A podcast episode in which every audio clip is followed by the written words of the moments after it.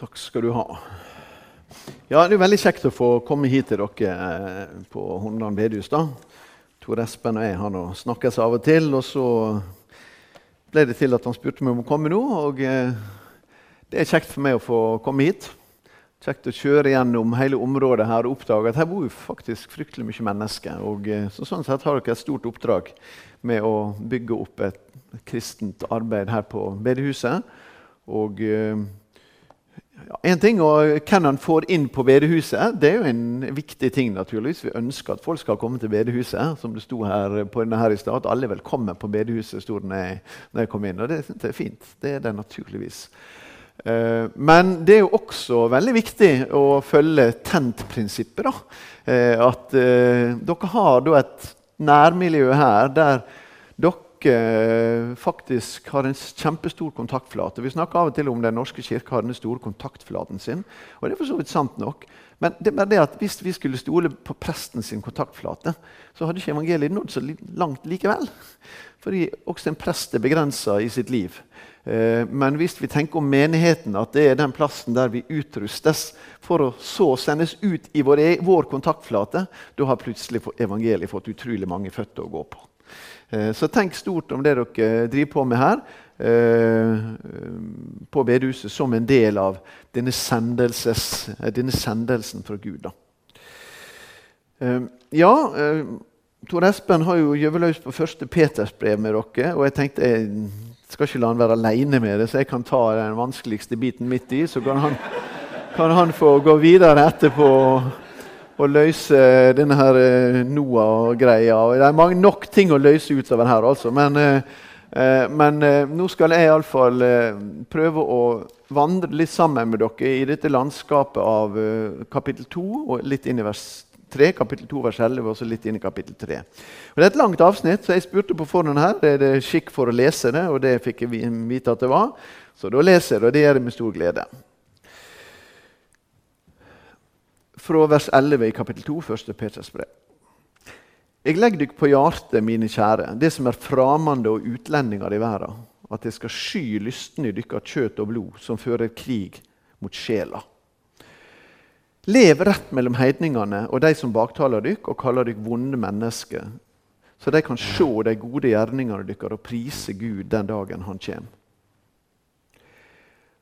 For Herrens skyld skal De underordne dere all styresmakt blant mennesker, enten det er keiseren, den øverste eller landshovdingene som har sendt, han har sendt for å straffe de som gjør vondt, og rose de som gjør godt. For det er Guds vilje at det skal gjøre det gode, og slik stanse munnen på forstandige, uforstandige og uvitende mennesker. De er frie.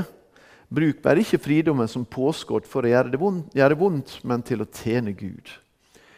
De skal vise alle ære elske søskenfellesskapet, ottast Gud og ære keiseren. De tjenestefolk skal være underordna herrene deres og ha ærefrykt for dem, ikke bare de gode og milde, men de urimelige òg. For det er godt om noen finner seg i ufortjent liding fordi samvittet er bundet til Gud. Om de tåler straff når de har gjort noe gale, er det noe å skryte av. Men om de tåler lidinga når de gjør det rette, da er det godt i Guds øyne. Det var dette de ble kalla til. For Kristus lei for dykk og ga dykk et føredømme så de skulle følge i hans fotspor. Han gjorde inga synd, og det fantes ikke svik i hans munn. Han svara ikke med hån når han ble hånt, han truga ikke når han lei, men overlet si sak til han som dømer rettferdig. På sin egen kropp bar han syndene våre opp på treet, så vi skulle dø bort fra syndene og leve for rettferda. Og ved hans sår ble de lekte. Det var sauer som hadde gått seg vill, men nå har de vendt om til han som er hyrding og tilsynsmann for sauene, eller for sjelene deres. På samme måte skal kvinnene være mennene deres underordna. Slik kan de mennene som ikke vil tro på ordet, bli vunnet. Ikke med ord, men med det livet kona lever. Når de ser dere reine fær i Guds frykt. La ikke ytre stas som hårflettinger, gullkjeder eller fine kleder være dykkar pryd, men hjartet, det løgnde mennesket med sin milde og rolige ånd, som er uforgjengelig og dyrebar for Gud. For slik prydde Eh, de hellige kvinnene seg før i tida, de som setter sin lit til Gud, de var underordna mennene sine, liksom Sara var lydig mot Abraham og kaller han herre. Og det har blitt hennes døtre når de gjør det gode, og ikke let noe skremme dykk. Likeens det menn. Vis omtanke i samlivet med kvinner, som er den veikeste av dykk. Vis henne ære, for sammen skal det arve nåden og livet. Gjør dette, så bønene dykkar ikke blir hindra.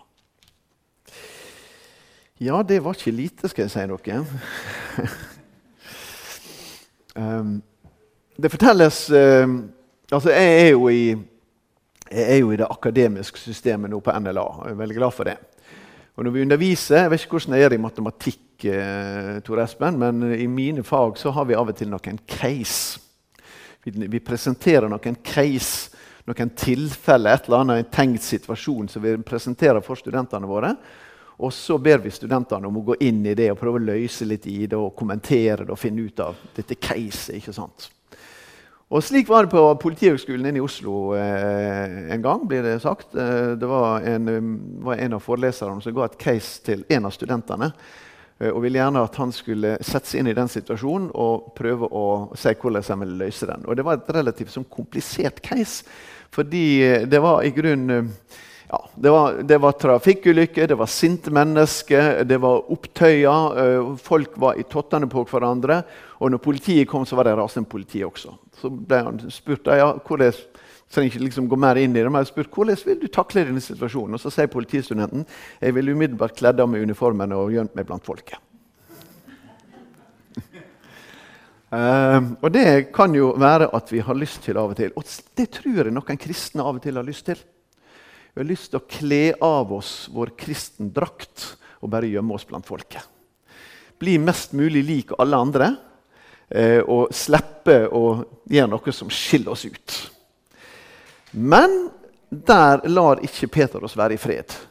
For han utfordrer oss ganske sterkt på å si at vi er et annerledes folk. Og vi skal leve ut den forskjelligheten.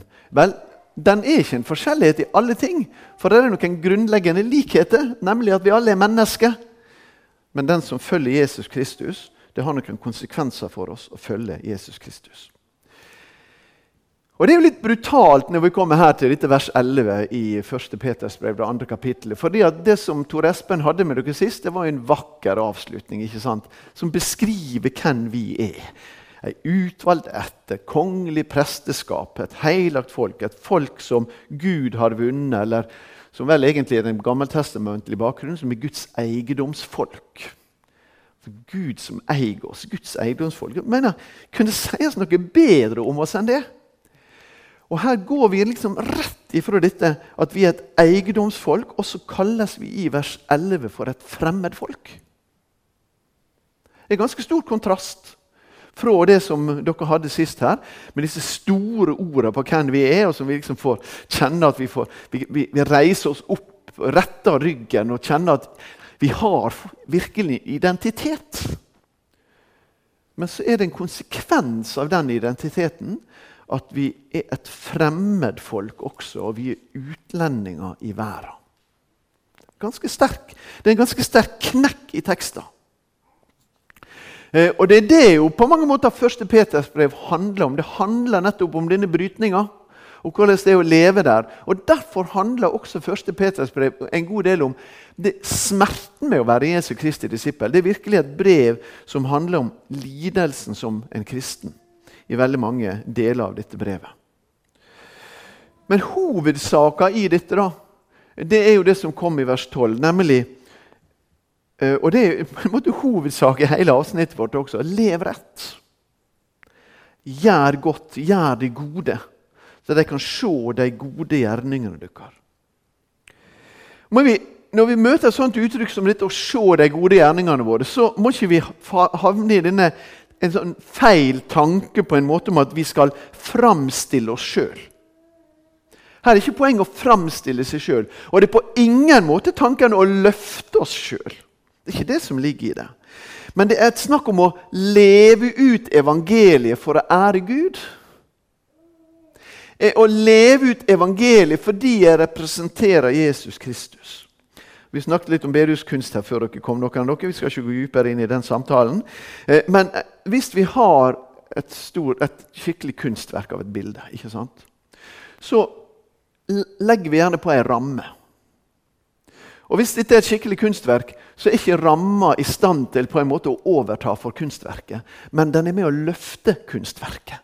Og gi kunstverket en ramme som framhever kunstverket. Og Litt sånn er det også med våre liv. Når vi blir bedt om å gjøre det gode, om å leve rett, så er ikke det for retthaveriets skyld.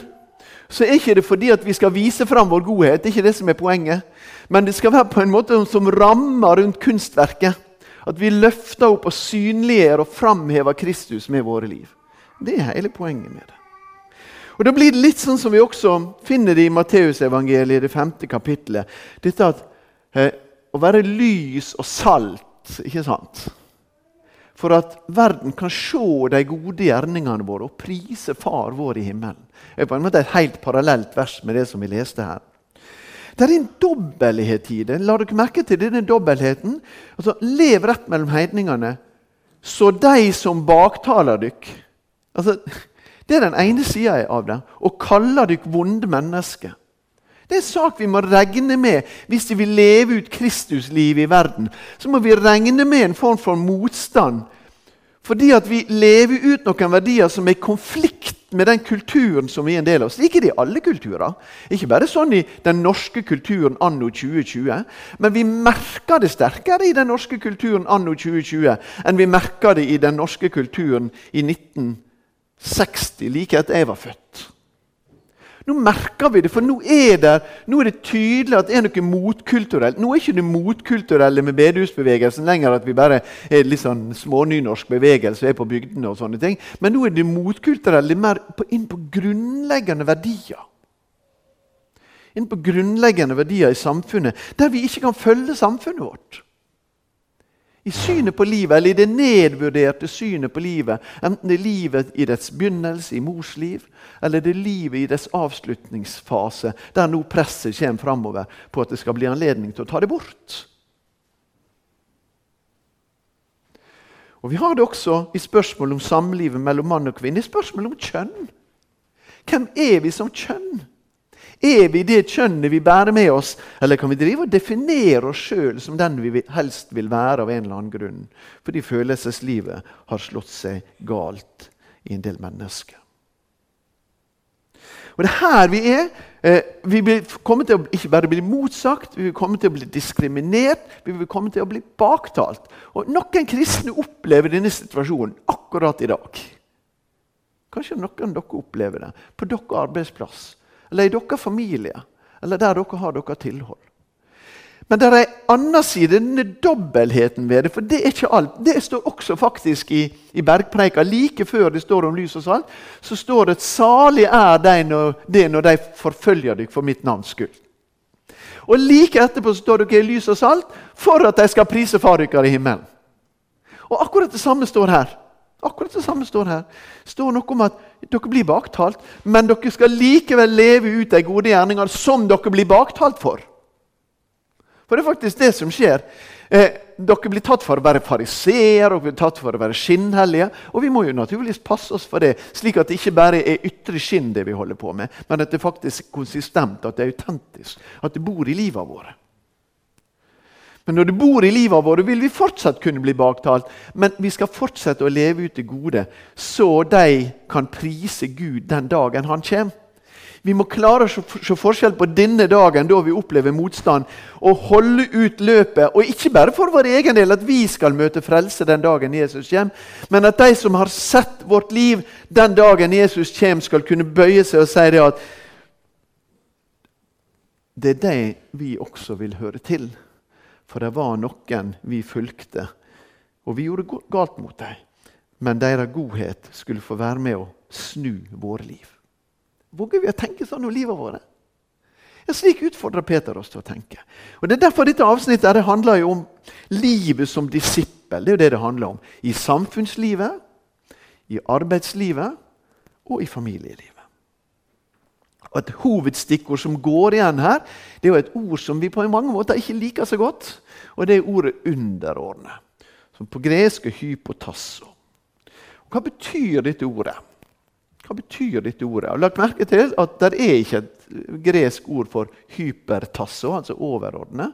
Det er ikke et gresk ord uh, som er brukt, det er ikke noe ord i Bibelen som snakker om at noen skal overordne seg. Uh, men det er et ord i Feserbrevet som sier noe til oss om at vi skal, 521, om at vi skal alle underordne oss hverandre i lydighet mot Kristus. Og så går han inn i noen konkrete formaninger også der, inn mot mann og kvinne. Dette ordet 'underordne' det, I det greske språket så har denne forbokstavelsen hy, hypo, eh, altså hypotasso den, den, har på en måte mista litt verdien sin når vi kommer til den nytestamentlige gresken. Så det betyr mest dette ordet å ordne og tilordne seg. Vær tilordna. Sørg for at du du trenger ikke gå i konflikt med omgivelsene dine, men tilpass deg omgivelsene dine. Det er denne tilpasninga, tilordninga, det primært snakker om når vi kommer til dette begrepet. For Merk det at når han skriver dette ned i vers 16, her, så understreker han at når han har sagt dette først nå om underordning i samfunnslivet, eller det å tilpasse seg i samfunnslivet, så sier han også men dere er fri. Glem ikke det. altså Dere er fri dere kan på sett og vis velge å gjøre det på en annen måte enn det jeg har skissert for dere. Men sørg da for at hvis dere skal bruke fridogmen, at det ikke blir en frihet til å gjøre vondt. Dere skal bruke friheten deres til å fremme det gode. Og det gode som skal fremmes, det å fremme Jesu navn, så mennesket kan få tiltro til Han du følger. Og en dag sjøl kunne komme til tro på Han som du følger. Og dette er en, dette er en sånn det er en sånn underordning som gir i denne friheten som er skapt nettopp ved f.eks. Vi har Galaterbrevet 3,28 at her, altså i Kristus, i trua, i dåpen, her er ikke mann og kvinne. Trell og fri. Jøde og greker. Og Et kapittel senere så sier han dere er frie, men bruk ikke friheten til. Altså, Det er en frihet som vi har i Kristus. Og der disse her mann, kvinne, jøde, greker, rik, fattig, myndighetsperson, vanlig arbeider De har på en måte ramla vekk. For vi har fått en ny, ny identitet.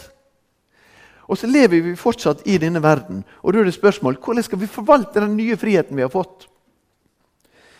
Og Da er det dette underordningsbegrepet kommet nemlig at vi skal da ifølge han skal vi, Det er for Herrens skyld vi skal underordne oss. Det er, for at, det er noe med livet vårt som skal peke mot Jesus. Tilpasse alle disse tingene som ikke er så viktige, slik at det peker mot Jesus Kristus. Og Vi skal underordne oss ved at vi stoler på Herren, står det her i vers 19.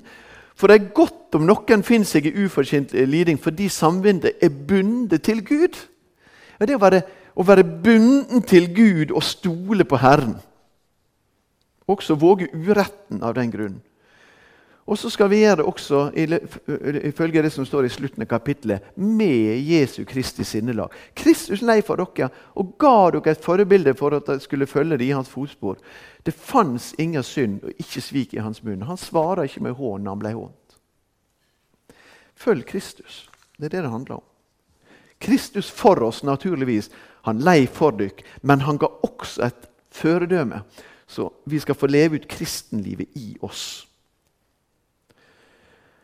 Um, og Så avslutter jo dette kapittelet i vers 25 her, sant? med at dere var som sauer, dere hadde gått dere vill. Um, dere hadde gått dere vill. Uh, samfunnslivet.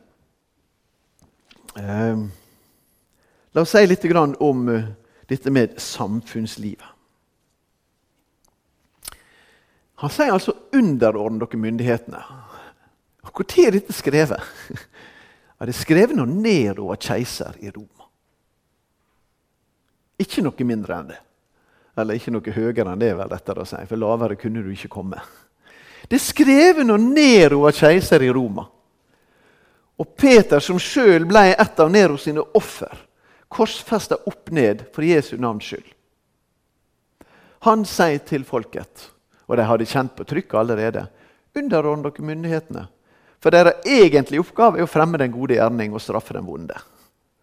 Og det får dere støtte deg i. Jeg har en god venn som heter Lincy Brown. Han var generalsekretær i den store internasjonale lagsbevegelsen i mange år. Og Han har to ord som han bruker veldig ofte når han snakker om dette.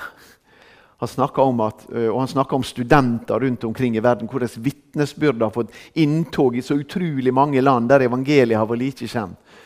Og han, han, drar en sammenligning fra det første kristne og inn til det som veldig mange av disse studentene under litt trange vilkår Når de lever ut kristenlivet, så, så sier han They outlived and they outloved the world. outlived and outloved. Altså, De elska verden på en sånn måte at det sprengte alle grenser. Og Den kjærligheten ble lagt merke til. Og de hadde et liv som strengt de ikke trengte lovene i samfunnet.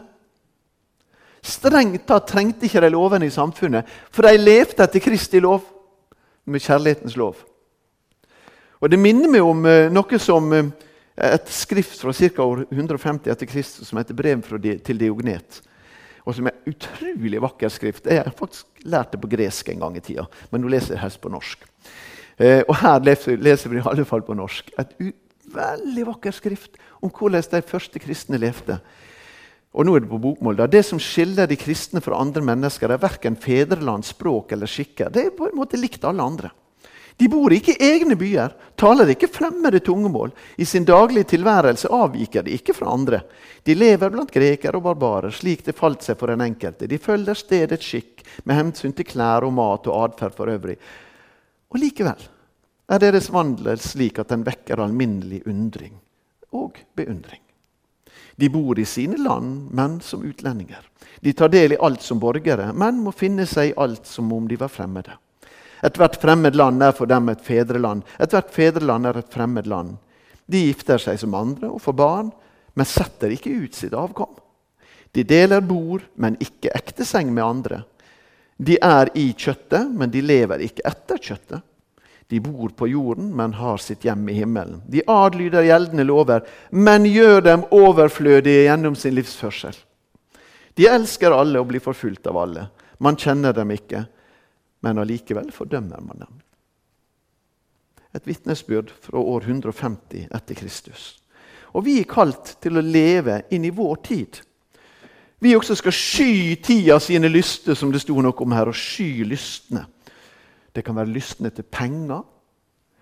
Det kan være lystne til en seksualitet som bryter alle, alle grenser som Gud har satt. De gode grenser som Gud har sagt. Det kan være lysta til en leder å utøve makt. Og det kan være lysta til bare å kaste sannheten på båten og si at ja, alt flyter vel egentlig, og ting kan være sant for meg og for deg, og det kan være ulike ting. Men vi er ikke kalt til det. Vi er kalt til å vise alle mennesker ære. På samme måte som vi skal ære keiseren. Og merk Det er det som står her. Vi skal bare gi han ære, vi skal hedre han. Vi skal ikke gjøre det som en gjorde i den samtida med keiseren, nemlig at han tilba han. Nei, det er forbeholdt én, og en helt annen enn keiseren. Og så skal vi vise altså ære, og så skal vi elske søskenfellesskapet. Et enda sterkere ord. Og for Gud, som vi naturligvis både skal ære og elske, så skal vi også frykte Han på den måten at vi overgir oss til Gud. Og I den stigende rekkefølga er verdien av disse tinga som vi er kalt til i samfunnslivet. Ja, vi er kalt til å følge Jesus i arbeidslivet. Eh, dere tjenestefolk skal være underordna herrene deres. Tjenestefolk, Her brukes ikke ordet for slave, som ofte Peter, eh, Paulus bruker det i noen tilsvarende tekster. Han snakker om dullos, som betyr slave på en måte. Skal vi si litt mer om slaveriet, Men her brukes ikke det. Her brukes et gresk ord som heter oiketas. og Det betyr de som hører til i huset og egentlig har gått over til å bety tjenerne, altså tjenerskapet eller husfolket. Og Det er på en måte litt parallelt med ordet slave her, men det sier oss noe om at det med slaveriet på den tida det var, det var ingen hyggelig sak. det da. Ikke da heller. Fordi at Slaveriet sitt prinsipp er jo at det er noen andre mennesker som påtar seg rettigheten til å eie meg. Nesten som fotballspillere, bortsett fra at jeg får en million i veka. Eh, for det. Eh, men, eh, så glem det med fotballspillerne. Men, men, det er det at noen mennesker rett og slett tiltar seg en rett til å eie andre mennesker. Og Det er en grusom sak, og vi har aldri i verden hatt flere slaver enn vi har i dag. Et, det er utrolig mange titalls millioner slaver i verden i dag. sexslaver, barneslaver, folk som bare er røva ut av sine sammenhenger. Og Det er det altfor lite fokus på. Det burde være mye mer fokus på det. Men det fins faktisk i dag. Men på denne antikkens slaveri jeg regner med, altså Det er veldig varierende tall, for hva kan vi vite, men tallene på hvor mange som var slaver i Romerriket, varierer mellom 25 og 50% og Bare i Roma, byen Roma har jeg lest for en del år siden en undersøkelse som mente at ca. 70% av den, den millionen mennesker som bodde i Roma på Paulus' tid, at ca. 70% av dem trolig var slaver. Det gir oss noe av forklaringa på hvorfor ikke en i Bibelen går, får en sånn oppfordring til å gå inn rive ned slaveriet. For Hadde noen prøvd å gjort det, så hadde ikke blitt slaveriet som ble revet ned, men da hadde de som gjorde det, blitt drept. Kort og godt. Men det er sterke ord i Bibelen mot slaveriet. altså mener Brevet til Filemon om Onesimus det er jo rett og slett et brev til en slaveeier som er blitt kristen, og sier at nå får du din gamle slave tilbake. Behandle han som en Jesu Kristi bror, og ikke som en slave. Det er sterkt. Og I 1. Korinterbrev 7 så, så, sier Paulus at de som, eh, de som driver med slavehandel eh, Nei, er du slave, så prøv å bli fri. Bli den stand du var når du ble kalt. Dvs. Si, hvis du var slave, så prøv å bli fri. Og I første Timoteus brev så skriver Paulus eh, i første kapittelet der, han skriver om masse synder som gjør at en ikke arver Guds rike. Og En av de syndene er å selge mennesker. Og I tillegg så har du hele bomba som detonerer, eh, som, som, ligger der for å detonere slaveriet, nemlig Galaterbrevet 328. Her er ikke slaver. Her er ikke slaver og fri. Det fins ikke lenger. Alle er en i Kristus, og den store friheten er Jesus Kristus. Så det er mange ting i Bibelen som vil oppheve slaveriet. Men her er likevel i, alltid i samfunnet et sånt forhold mellom arbeidsgiver og arbeidstaker, mellom, mellom herre og tjener, Eh, kan ha forskjellige ord rundt omkring. Og vi er kalt til å følge Jesus Kristus også i arbeidslivet. Vi er kalt, vi er kalt til å følge han med ulik form for lederskap. Og vi er kalt til å følge han med ulike former for medarbeiderskap. Inn på arbeidsplassen vår og representere Jesus Kristus. Å være sånne som kan tilpasse oss i de enkle forholdene. Og ikke gå i strupa på alle mulige ting men alltid likevel stå opp for vår neste. Hvis vår neste lider ut av urett, da skal vi stå opp, for det var det Jesus gjorde. Men når det gjelder oss sjøl, så skal vi kunne tåle også at vi kan møte en motstand på arbeidsplassen vår. Kanskje er det noen av medarbeiderne våre som syns at vi ikke er så greie å ha med å gjøre. Som syns det er veldig dumt at det er en kristen på arbeidsplassen. Så dumt at det er noen som ikke vil gå i pride-talk. Kanskje er arbeidsgiveren en som tenker på samme måten. Kanskje fryses vi ut på en eller annen måte. Vi veit ikke. Men mange kristne prøver å skjule på CV-en sin i dag at en har gått på en bibelskole. Vi får henvendelse eh, fra folk som og jeg har fått vi, altså I ulike sammenhenger fått henvendelse fra folk som sier at jeg må stryke noen ting fra CV-en min. Og blir det hull i CV-en, så hvordan kan jeg forklare det? For det er en ulempe. Eh, jeg har en, en, som nå nettopp har fått en jobb på en helt annen plass i landet der han bor. Kjempedyktig fagarbeider. Og han var inn på et intervju i, i den jobben han hadde. Han hadde, hatt, hadde jobba i misjon. Han kom til Norge igjen. Har en, et, har en utdanning som vi kjempebruk for i Bergen, i det urbane Bergen. Og han har blitt intervju etter intervju og fått tommel ned. Og han var inn på et intervju, og de sa rett ut til han at vi ser du er en kristen. Vi har ingen andre kristne på arbeidsplassen. Vi vet ikke om du passer inn. Og Jeg sa til han, du må, du må gå til Likestillingsombudet. Et brudd på norsk lov. Han gjorde ikke det. Nå har han fått jobb en annen plass. Slik er det. Og det er en urett som en ikke skal finnes i. Eh, en skal ikke finnes i at andre lider urett. Og, og Vi har heldigvis lovsystem i Norge for å jobbe med dette. Og Samtidig må vi bære med oss akkurat det som skrives inn i dette. For Kristus lei for oss og ga oss et forbilde som vi skulle følge i hans fotspor. Han gjorde ingen synd, det fantes ikke svik i hans munn. På sin egen kropp bar han syndene våre opp på treet. Så vi skulle dø bort fra syndene og leve for rettferda. Ved hans sår ble de lekte. Her drives vi framover til vers 25. Dere var som sauer som hadde gått seg vill. Men nå har dere vendt om til Han som er en hyrding og tilsynsmann for sjelene deres. Ja, vi kan ha arbeidsgivere som leder arbeidet vårt. Vi har det. Og mange av oss har gode arbeidsgivere. Eh, noen er dårlige arbeidsgivere. Men uansett hvilken arbeidsgiver du eller jeg har, så har vi en høyere herre. Vi har en som er hyrde og tilsynsmann for sjelene våre. Og selv om vi skulle tjene en urimelig arbeidsgiver, så står vi under et høyere herredømme, nemlig at vi lever våre liv under Jesus Kristus. Han som er den gode hyrden, han som er den gode tilsynsmannen, og ser til at vi skal bevares også når vi møter smerten og lidelsen. Og til slutt så snakker han altså om familielivet. Han snakker om å følge Jesus i familielivet. Og Det første han adresserer her, er jo kvinnene. Eller konene. Det er jo ikke kvinnene i sin alminnelighet og menn i sin alminnelighet, men dette er mann og kone og den relasjonen det handler om. Eh, og på en måte Dette ordet som står i vers 16, at dere er frie, det dras med også over her. En kristen kvinne vil da, kone vil da være fri til å velge en annen måte å leve på. Men likevel så formanes hun til å tilpasse seg det systemet som var i den tida. Tilpasse seg. Og hvorfor skal hun tilpasse seg? Ja, Det kan det være flere eh, grunner til. Hun kan f.eks. velge å tilpasse seg for ikke å påføre sin mann skam. For det er klart, Hvis hun hadde brukt sin kristne frihet på en måte til å leve på en helt annen måte enn det som kulturen rundt henne gjorde, så ville det i den kulturen bli en påføring på familien av skam. For dette var en skamkultur, og ikke bare en skyldkultur. Og Det sier altså apostelen til deg. Nei, vær, vær forsiktig med det. Ikke, bruk, ikke, misbruk friheten din til det.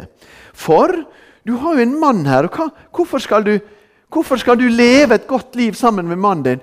Jo, fordi du skal vinne han for Kristus. Det er det viktigste du kan. For husk at Den første kristne menigheten hadde en skikkelig overvekt av kvinner. Det har for så vidt mange av de kristne forsamlingene i dag òg. Og slik har det vært fra begynnelsen av. Rodney Stark, som en av disse som har studert denne tida, han sier at det var et svært overskudd av kvinner i de første kristne menighetene. Hvorfor det? Fordi evangeliet satte kvinnene fri. Rett og slett.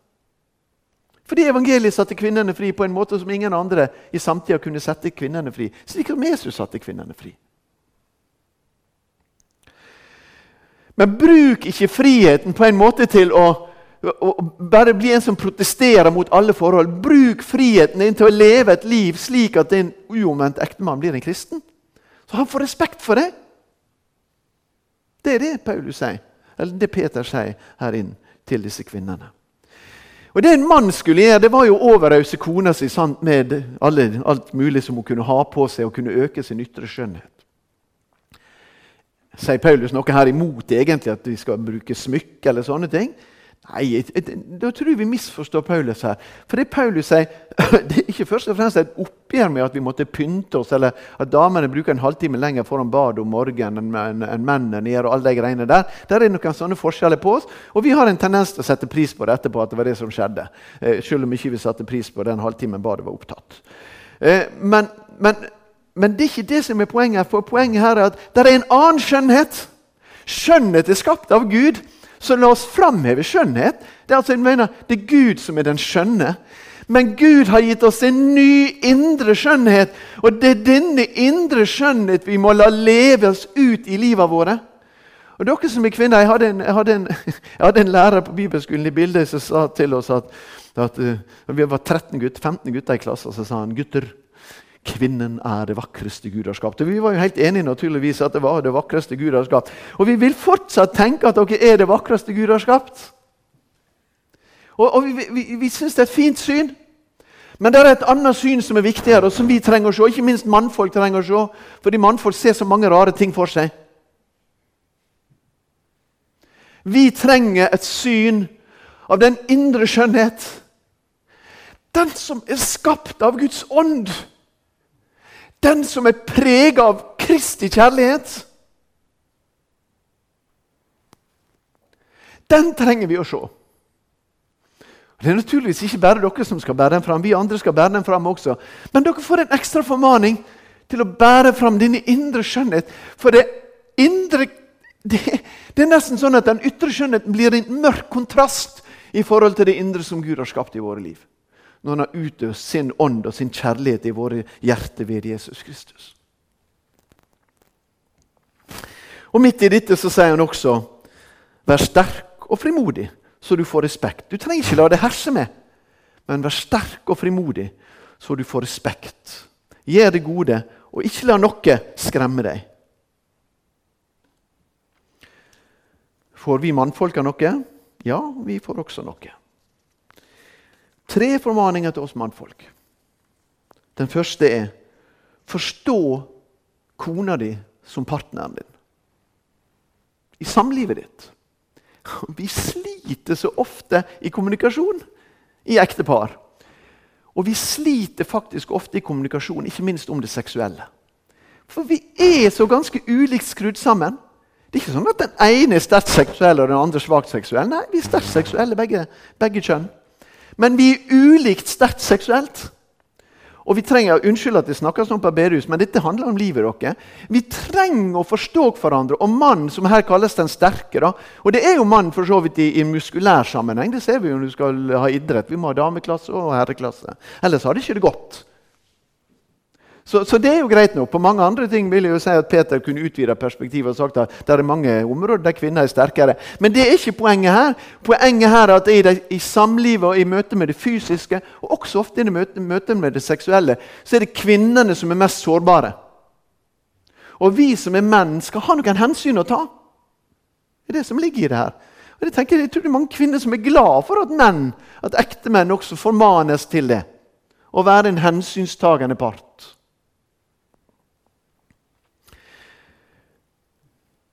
Det andre som står her, det lovte vi den dagen vi sto ved alterringen og sa ikke bare at jeg vil elske henne, jeg vil ære henne. Til døden skiller oss att. Og det står her også. Gi henne ære. Ja, vi skal elske våre koner. Men vi skal også ære våre koner. Og det, tenker av og til det som en enda mer litt aktiv handling. Nemlig jeg skal uttrykke overfor mine venner og i familien skal uttrykke overfor mine barn at dette er ei fantastisk kvinne og løfte henne opp og gi henne ære. Og Det tredje som står her, det er at bønnene dere må ikke bli hindra. Nei, dere må be sammen. Og du som er mann, du skal, begge kan ta initiativ til det. Mange kvinner som tar initiativ og bør det. Men du som er mann, skal huske på det ekstra. Kanskje fordi du ofte så, føler deg så sterk at du glemmer å be. Men du skal ta initiativ til å be slik at dere kan ha det innerste båndet sammen, der det viser seg at dere er helt likt stilt, for det går fram for den samme trone ved den samme Jesus Kristus. Og så er alt forankra akkurat der, i Jesus Kristus. Det er forankra der som, som Paulus driver og roter i Feserbrevet 5. ikke sant?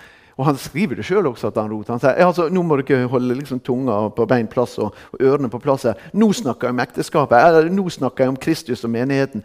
Han, han driver bevisst og roter med det. for Han sier at akkurat som forholdet er mellom mann og kvinne, slik er forholdet mellom Kristus og menigheten. Der menigheten gir seg sjøl til sin Kristus. For jeg vet de møter kjærlighet. Det er ikke vanskelig å gi seg til Han og der Kristus sjøl gir seg til menigheten, om så han må dø. Kjære mannfolk, om så han må dø. Det er ikke, det er ikke sånne her middelalder-ridderlighetsideal. Dette her er, dette er midt inn i virkeligheten vår. Og vi har fått en Kristus, Jesus Kristus, å følge. I Luthers katekisme så står det om dette, for dette står jo der. da, eh, så står det om dette, og jeg, jeg jeg har gått på skole, bokmålsskole, så dette kan jeg på bokmål. Når hver sitt gudsord lærer vil, jeg si det til mann og kvinne da, om, om, disse tingene, når hver sitt gudsord lærer vil, da står det godt i huset til. Jeg har utrolig lite behov for å si dette på andre plass enn på en talerstol. Jeg, jeg går ikke og sier dette til kona mi som står her. Det får hun lese sjøl. Jeg, jeg, jeg, bryr ikke meg om det. Men det som står til meg, det vil jeg gjerne ta på alvor så vil jeg gjerne at vi skal finne ut av det i samlivet vårt, og at dere skal finne ut av det i samlivet deres. Hvordan lever vi ut Kristuslivet? Hva ville han skrevet til oss i dag? Ja, I dag ville han kanskje ikke brukt del, nok, ikke alle de samme ordene, men prinsippet vil være det samme for oss alle. La oss tilpasse oss hverandre. La oss tilpasse oss hverandre i den kulturen vi lever i i dag. Sånn at ikke vi blir et anstøt i denne kulturen på unødvendige premiss, men at vi blir en tiltrekningskraft av den kjærlighet som Kristus ga for oss og har gitt i våre hjerter ved Den hellige ånd.